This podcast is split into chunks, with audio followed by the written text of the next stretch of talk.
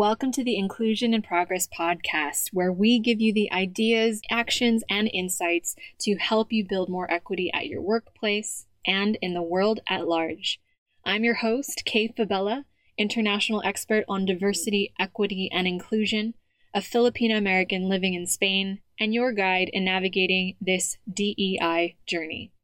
Having worked with teams at companies such as Philips, the IMF, Red Hat, PepsiCo, and more, I know firsthand that the work of inclusion only works when everyone has a seat at the table.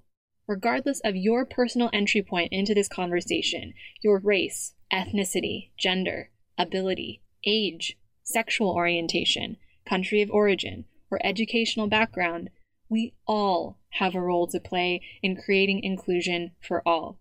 And it starts with us having conversations we need to create the change we wish to see. So let's dive into today's episode.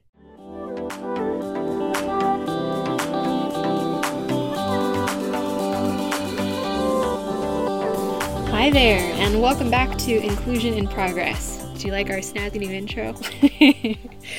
I'll get to more of that later on in the episode, but I wanted to tell you since this is coming out right before Christmas, and I'm not expecting you to be listening to this as you are, however, you're celebrating this year in this strange year at the time this is going out. This is going to be a bit shorter than normal, but I wanted to take the time to give you a quick update on where we're going to be taking the show next year. So, never in our wildest dreams could Team K and I have imagined that so many people from so many countries all over the world would hear the lessons and insights that we were sharing on this show. Your positive feedback, your words of encouragement on LinkedIn and by email really meant the world to us. And to everyone who's taken the time to share how much this podcast has meant to them, thank you.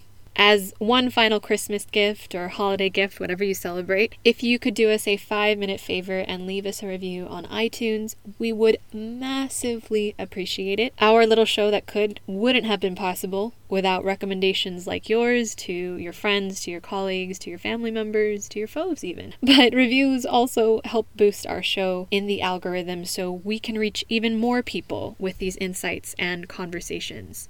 So, again, if you haven't already, please head to iTunes, look for this show, Inclusion in Progress, in the search bar, and leave us a review, especially if you are a long-time listener. If we've made even a small impact on your career or professional work around DEI, please let us know. We would love to hear from you and, of course, feature your review on a future episode. Now, as we wrap up our final episode of 2020, I wanted to start by acknowledging those who've helped our business grow during this challenging year. To our client partners like Philips, the IMF, PepsiCo, Alteryx, Red Hat, and countless others.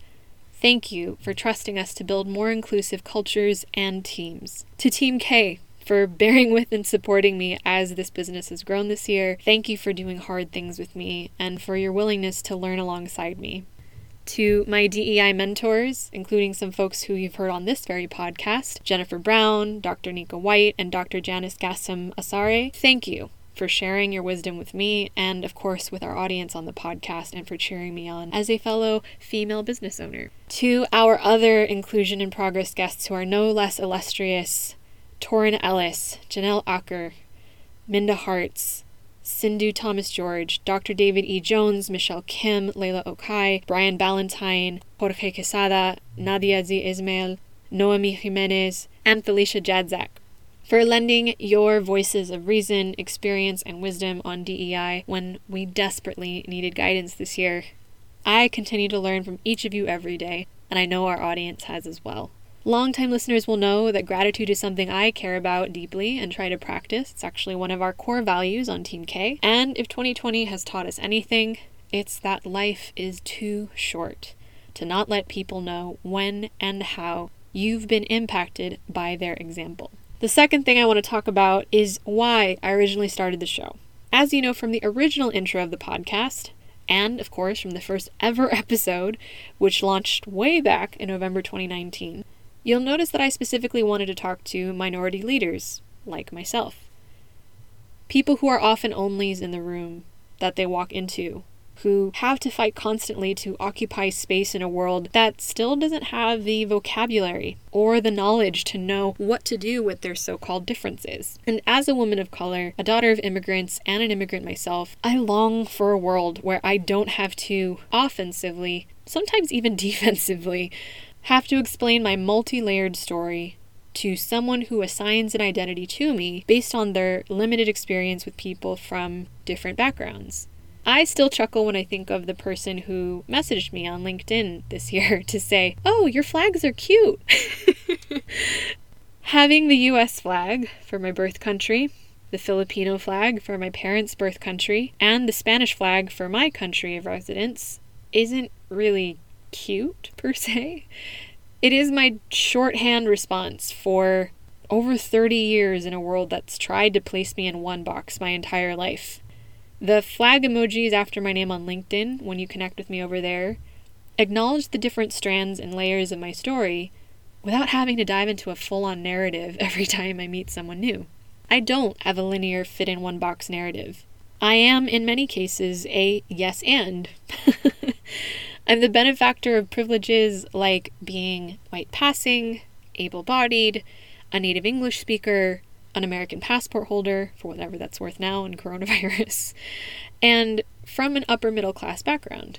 I'm also on the receiving end of biases every day, like the assumption that I'm a Filipino caregiver or a potential Asian coronavirus carrier with Spaniards, or the assumption that I wasn't born in the US from fellow Americans while I was growing up or the assumption that because of my being a woman, having a youthful looking face, or the lack of 30 symbols or initials after my name, that somehow I don't know what I'm talking about.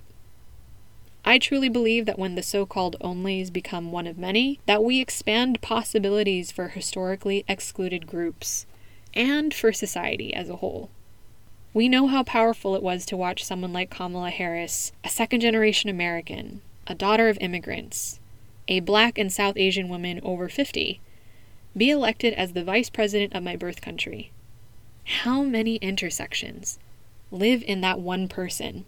How many people from traditionally underrepresented groups, the leaders of today and tomorrow, will be affected by the ripple effect of her mere existence? The default programming of who gets to succeed and who gets to lead in our organizations is only expanded when it is challenged by a so called outsider. And it's why, till my dying breath, I will keep fighting day in and day out to amplify the voices of people who have too long felt like their story doesn't matter because they don't see it reflected back to them in the media, in their communities, and in their organizations, whether it's through this podcast or in the work that I do with companies. The third thing I want to mention is how this podcast has evolved and how we're adapting this show moving forward. As I said in last week's episode, I've worked with probably as many allies from majority groups as minority leaders this past year. When I say majority group, I mean namely people of the white, European, European descendant, able bodied, often male persuasion. Sometimes they're in the same room as minority leaders, Sometimes they're in separate rooms. All of them are willing to roll up their sleeves and get to work on building more equity and inclusion together. All of them are feeling some mixture of guilt, sadness, and a fervent desire to see change in their lifetimes. As our work scaled up with clients this past year, I realized that, without meaning to, I had started our DEI consultancy and this very podcast under a false exclusionary premise that put an emphasis on minority leaders. Therefore, a large part of the responsibility was being placed on those onlys. The folks like me who have to lead this work in companies, whether we want to or not. But where did that leave those would be allies, advocates, and accomplices?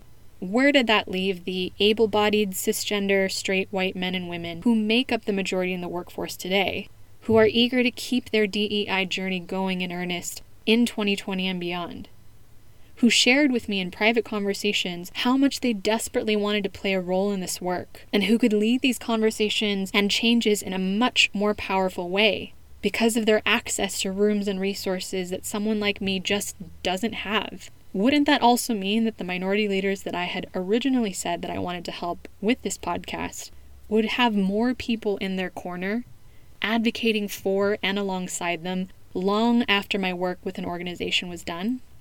To me, the answer to those questions was a resounding yes. And it would be detrimental to the mission of Inclusion in Progress if we didn't actually include everyone at the table. Which is why moving forward, we'll be addressing topics that benefit equity minded leaders from any part of the world, from all backgrounds, including the so called majority. As such, I wanted to debut our new intro for the very first time at the top of this show.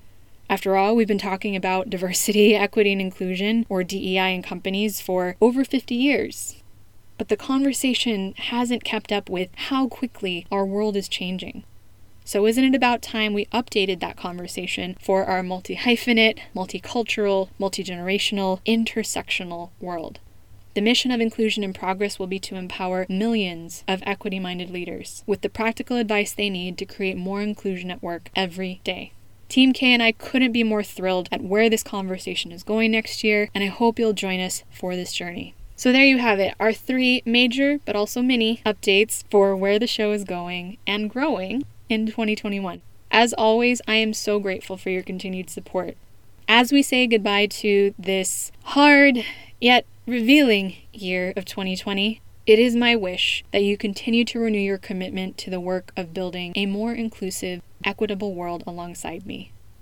If you've been loving this podcast, please don't hesitate to leave us a review on iTunes or whichever platform you've been listening in from. We'll see you in the new year with brand new episodes of the show. Until then, be well, and we'll see you next time on Inclusion in Progress.